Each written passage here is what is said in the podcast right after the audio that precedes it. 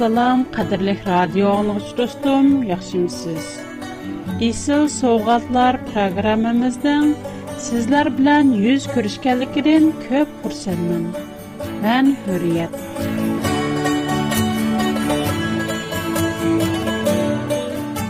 Qadrli dostlarım, siz bəzidə kəlgüsüdən guman qılamsınız.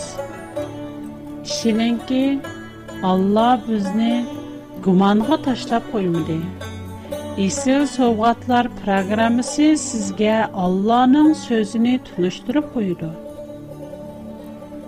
siz men bilan birga bo'lgan mazgilda barliq gumonlaringizga suallaringizga javob topa olasiz bugun qadrli do'stlarim bilan allohning kalomi to'g'riliq suhbatlashmoqchi Qadärlek dostlarımның мен белән бергә Аллаһның калам üstәдә әс тә идел, издинеп күрешне үмет киләмен. Quran-Kärim, Täwrat вә İncil хакында зади нимә дидер. Quran-Kärimне вараклап кердигән булсак, беренче нукта, Quran-Kärim, Täwrat вә İncil гы ишенең, уныңга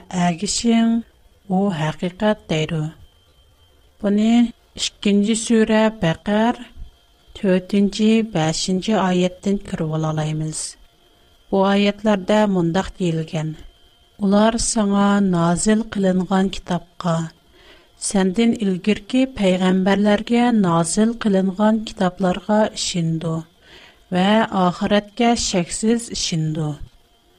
Əni şular Pərverdigarının toğra yolunda bolğuçulardır. Əni şular baxtga erishkichilardir. Demak, Qur'on-Karimning taslibidala Tavrot va Injilga ishonguchilar, to'g'ri yo'ldagilar, baxtga erishkichilar deydi.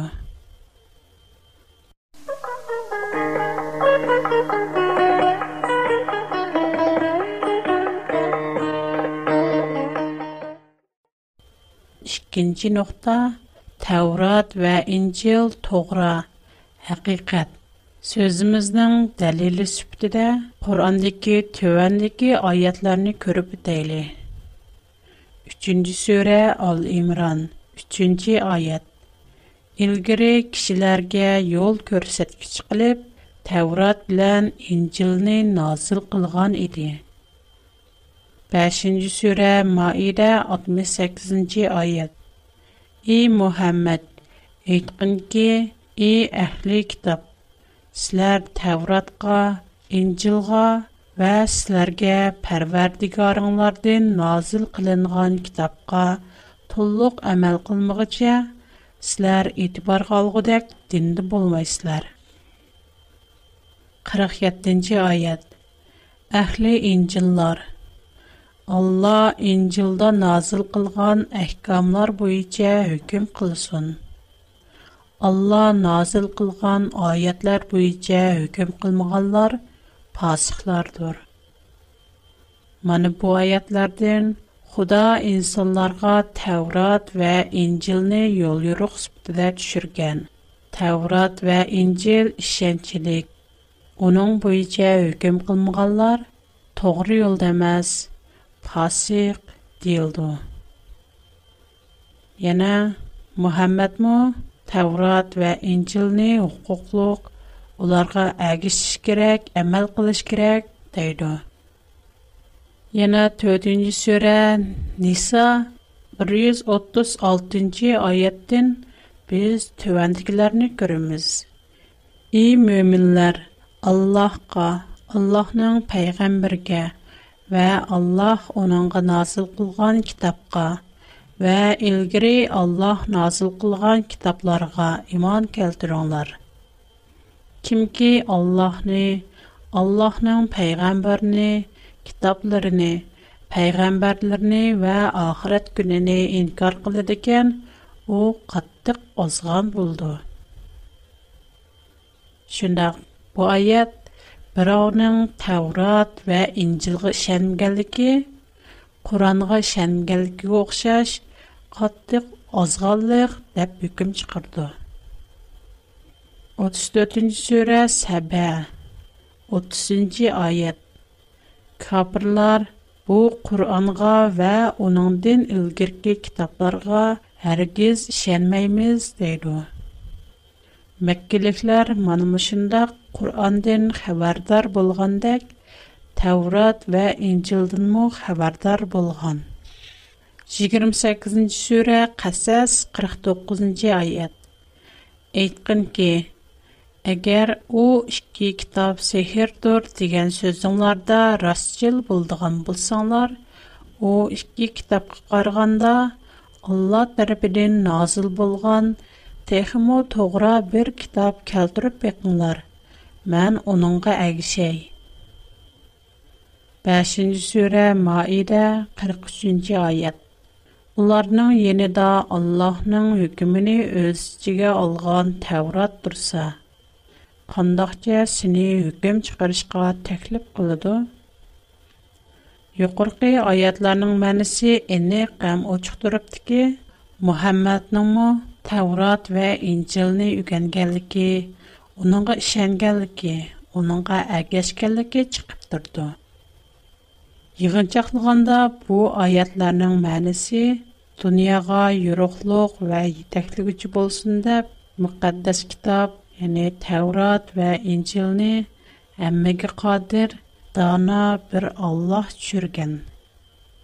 Китобнинг қоида принципларга риоя қилиш ва унингга эгишиш керак.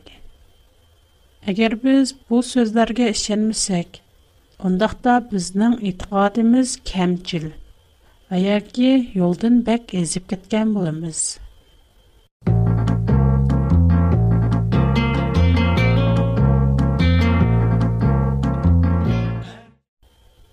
Амді біздің таврат билан инцил өзгертілген, бормыланған диган сөзіміз гик келсек, хоран бо ахта на айти чаллык, на айти күшлік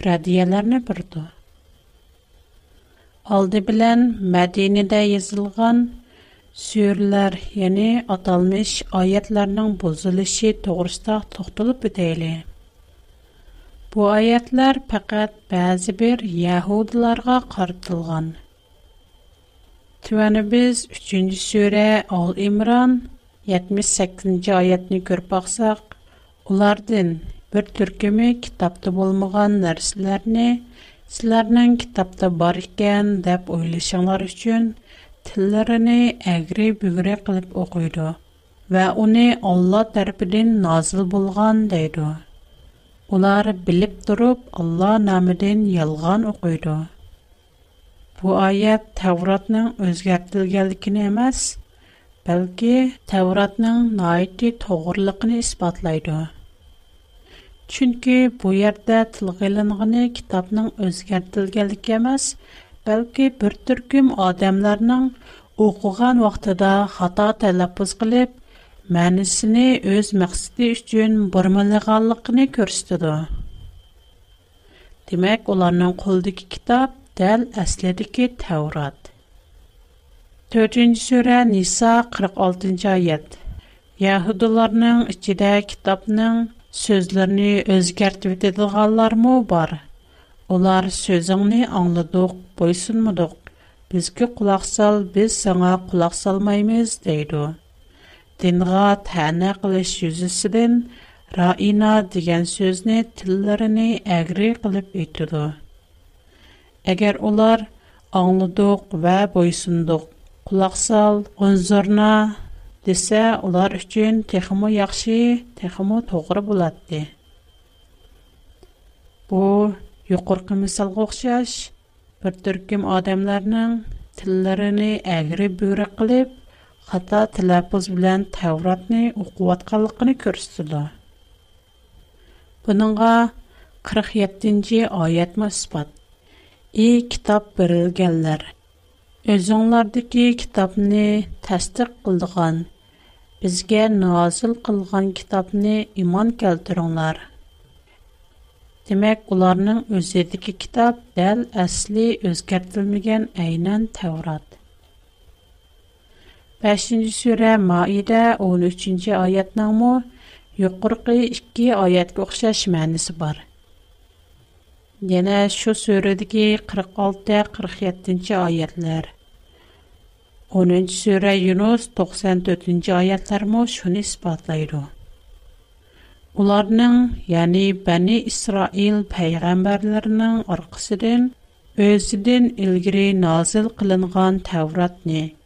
Yani onun Allah tərbinin nazil kılınganlığını itiraf kılgıcı İsa İbni Meryem'ni evettik. Onunğa hidayət bilən nurni öz içigə alğan İncilni ata qıldıq. İncil özüdən ilgiri nazil qılınğan Tevratni itiraf qılğıçıdır. Yəni onunğa muvafiqdir.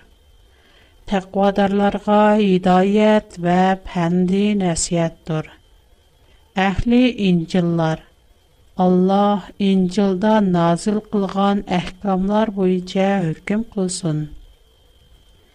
Allah nazil qılğan ayətlər boyunca hökm qılmağanlar fasıqlardır.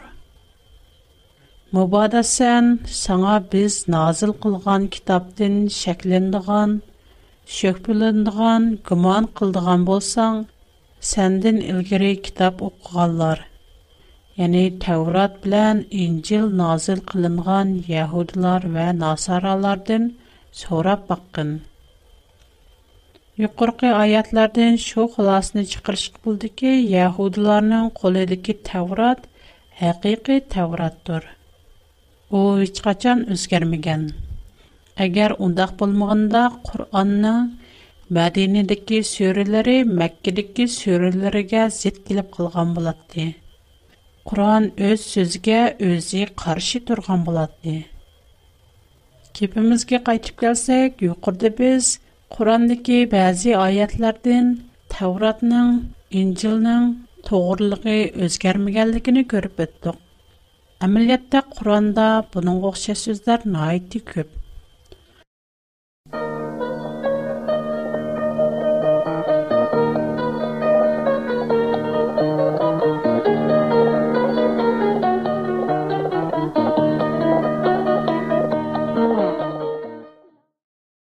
Yana qaraydigan bo'lsak, Qur'onda Allohning so'zi o'zgarmaydiganligi qayta-qayta takrorlangan.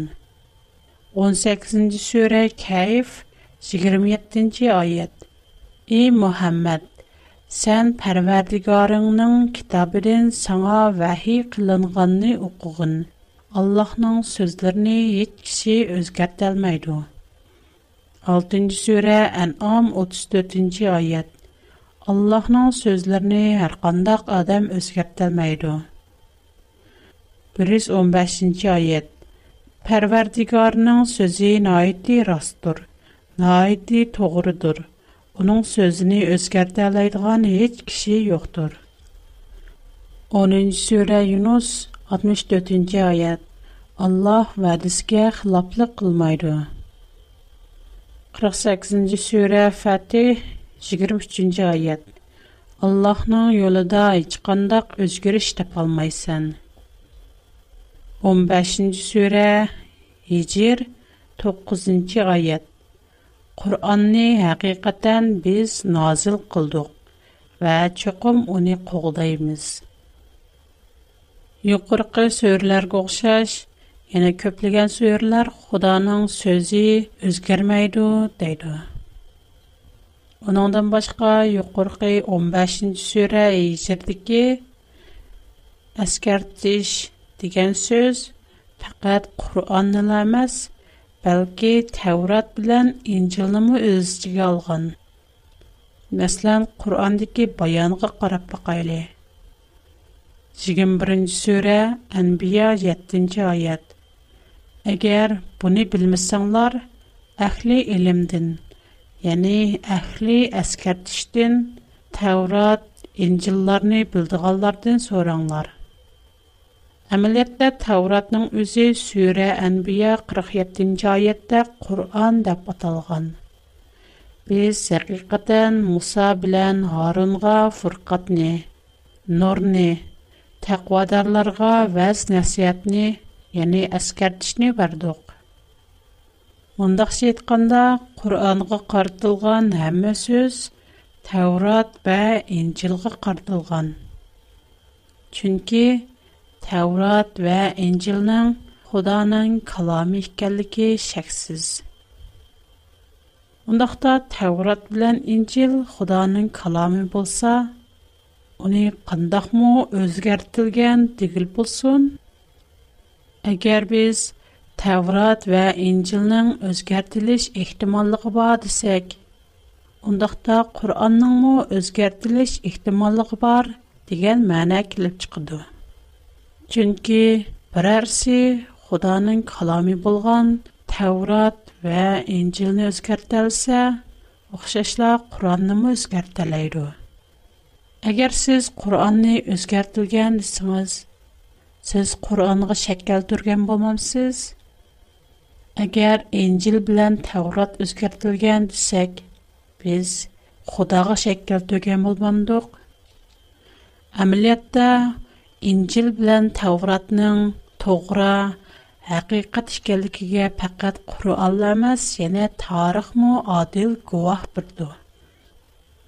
Таврот ва Инҗилда нургылган вахий сүзләр бар.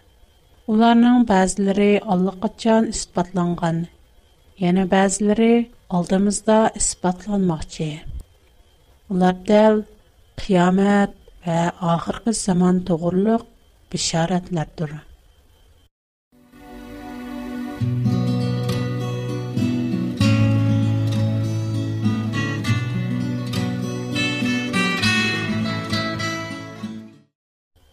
biz hozir mushu bishoratlarning isbotlanishini kutib turmoqdamiz 1948 йылы Таамира қабілісінің болған Мухаммад Ал Диб Бадави үлік деңіз бойда қойбек қатқанда бір өңкірні байқыған. Әм о өңкірден бір үріш Таурат Зәбурның өгіме кітапларыны тепіп чыққан. Оларның арысыда Ешая пайғамбарның bir butun kitobi bo'lib bu kitob aslida ayso masihning tug'ilishidan 700 yil ilgari yozilgan bu kitoblarning hammasi muqaddas kitobning to'g'ri ekanligi va o'zgarmaganligiga tog'dek guvoh bo'lib turdi chunki uning mazmuni hozirgi ishlatilayotgan ko'chirilma nusxalarga o'xshash Hazır көп köp nusqalarının bəziləri İslam dindin ilgiri yazılğın, bəziləri onun замандаш zamandaş bulğın. Hristiyan və Yahudilar işləti 2000-dən artıq tılgı tərcimin qılınğın, hazır ki, nusqalarını bu qədimki nusqalar bilən sələşdirsək, onlardaki oxşəşlik kişini həyran qaldırdı. Demək, Qur'an və tarix İncil və Tavratның toğra ikənligini isbatlab çıxdıq.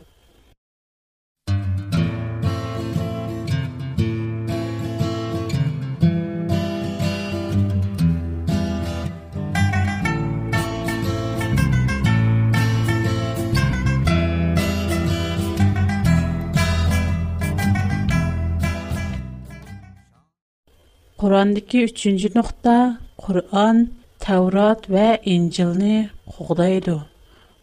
Onunla guvalaq birdi. Bəzide biz Tevrat ve İncil'nin toğra həqiqət ikənlikini itiraf qılıb tursaqmı, bıraq yenə Qur'an, İncil və Tevratın ornini igəlini bilib, ularını inovasiz qılətgən devalmız. Bıraq bunun heç qandaq asası yox. Чөнки Куръан әзелдән бундак димәгән. Аксичә Куръанда Куръанның үзе Инджил белән Тәүратны тасдиқлаучы, коддырчы, гвасчи сүтләре төшәлгән дикә, эне хизылган. 2-сүрә, Бақар, 41-я аят. Мен назил кылган Тәүратны тасдиқ кылгычы Куръанга иман кертәңләр. 89-cı ayət. Уларга Алла тарафыдан улардагы китапны тасдиқлайдыган китап назил болган.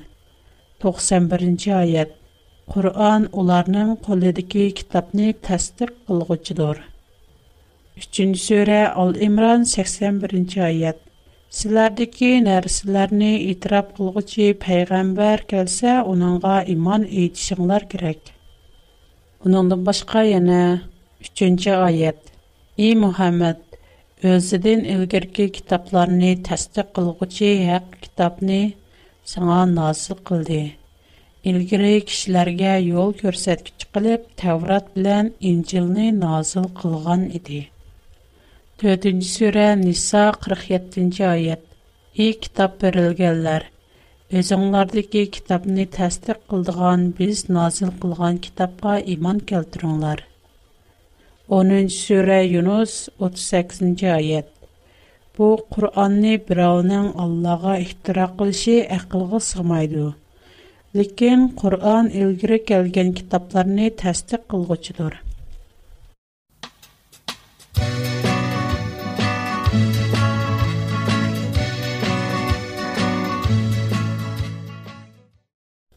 Onundan başqa biz yuqurda oxub ötken 5-ci surə Maidə 46-47-ci ayətlər.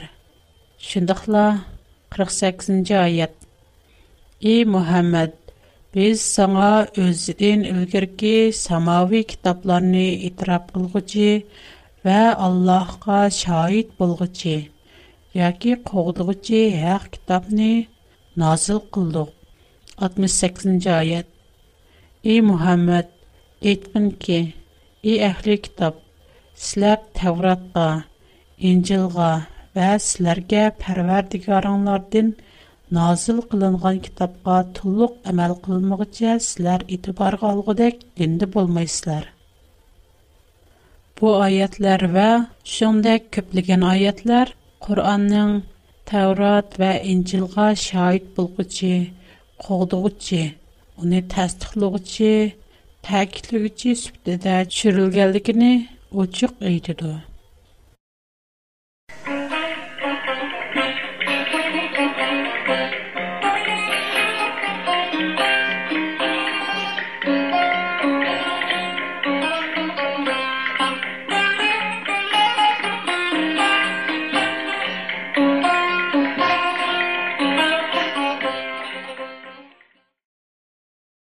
Құран ешқарчан өзінің Инжел вә Тауратның орныны еліш үшін кәлгәлікіне етміған. Оның әксіче, өзінің Инжел білән Тауратны тастықлаш үшін, күвалық бір үшін кәлгәлікіне етқан. Бұлмыс о христианларға вә яхудыларға. И әхлі кітап, Sizlər Təvratqa, İncilğa və sizlərə Pərverdigarınlardan nazil qılınğan kitabqa tulluq əməl qılmığıca sizlər etibar qalğudək dində bolmaysızlar. Əhli İncillar Allah İncilda nazil qılğan əhkamlar boyunca hökm qılsın. Allah nazil qılğan ayətlər boyunca hökm qılmağanlar fasıqlardır, deyəni oçuq dəvət qılmaydı. Яһудлар ва христианларга Таврот ва Инҗилнең әмер фәрманларыга әмәл кылышка тәсият кылмайды.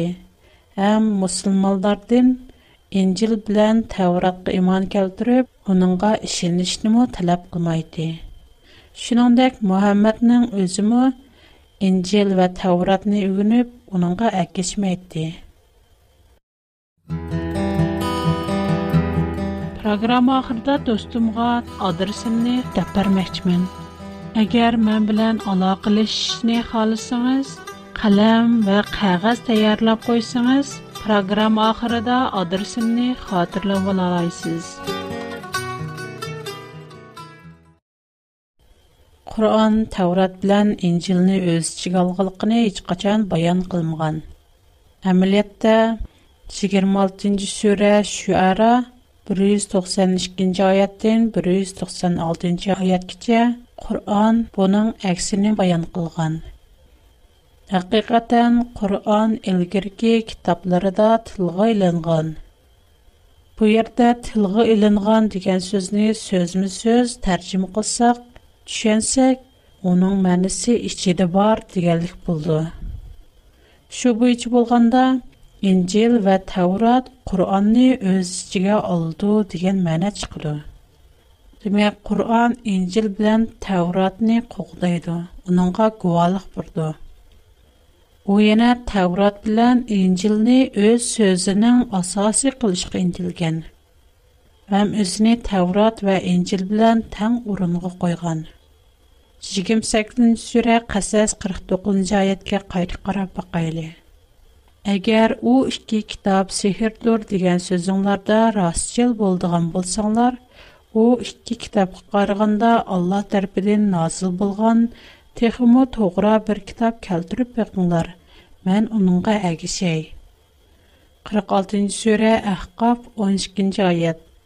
Куръанның илгәре Мусаның китабе әһли җанга пешива ва рәхмәт диде. Бу tasdiq qilguchidir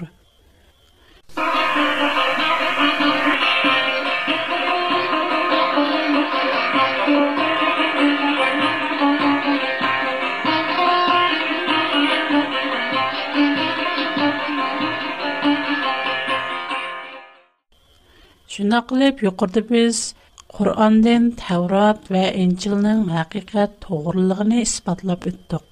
Ham Qur'onning hər bir mömin kişidən Təvrat və İncilni öyrənishni tələb qılğanlığını, uni bilishning zərurligini qayta-qayta ta'kidlaganligini ko'rib o'tdik.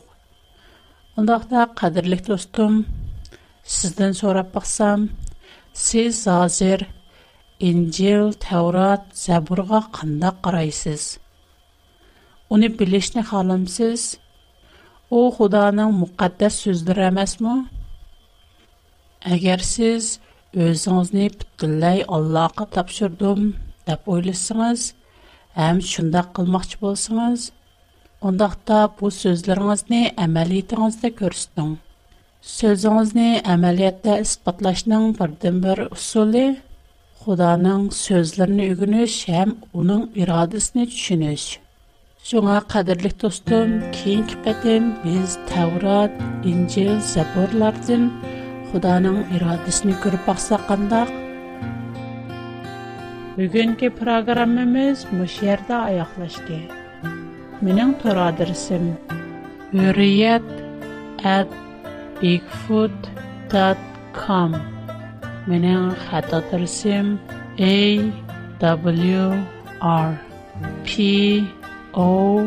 w 310 Hong